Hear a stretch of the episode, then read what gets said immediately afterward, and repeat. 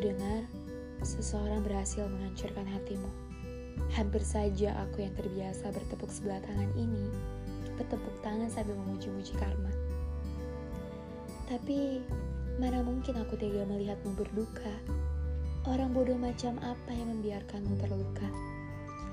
Kau yang kuyakin tercipta saat Tuhan sedang gembira, sebenar-benarnya pantas mendapatkan yang terbaik. Atau jika tidak, izinkanlah aku mencoba memberikan yang terbaik.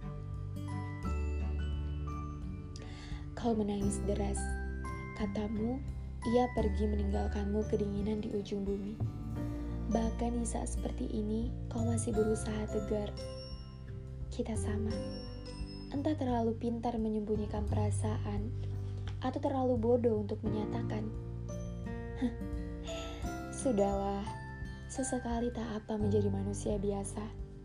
Wajar untuk terluka, untuk membutuhkan tempat bersandar, untuk tidak baik-baik saja.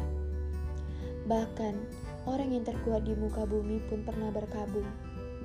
Sembuh itu butuh waktu, bukan paksaan. Saat semua tidak berjalan semestinya, kita bisa mengangkat tangan untuk menyerah atau mengangkat tangan untuk berdoa.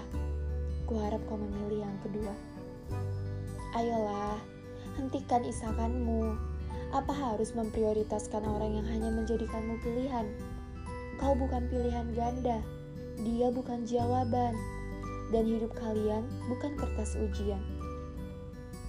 Bukan rezeki dia, tapi rezekimu untuk kelak dapat seseorang yang bisa memprioritaskanmu. Yang tidak punya hati, jangan dimasukkan dalam hati. Yang tidak punya perasaan, jangan dibawa perasaan yang main-main tidak perlu dianggap serius.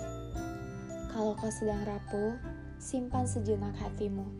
Biarkan proses dalam waktu menyembuhkan. Perasaan memang tidak bisa diburu-buru, tapi juga jangan berlama-lama meratapi seseorang yang tidak bisa menghargaimu. Dekatkan dirimu pada orang-orang yang membuatmu bahagia.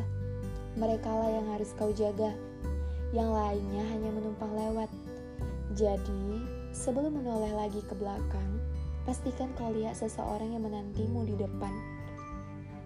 Mengenang masa lalu bukan berarti harus mengulang. Kalau dia tidak bisa menghargai kesempatan baik yang kau beri, beri dirimu sendiri kesempatan untuk mendapatkan kisah yang lebih baik. Karena yang benar-benar peduli akan menghentikan air matamu jatuh, bukan membuat air matamu jatuh. Ketahuilah, beberapa tangan melepaskan genggamannya saat hidupmu bertambah sulit agar tanganmu kosong dan bisa digenggam oleh seseorang yang takkan pernah melepaskanmu.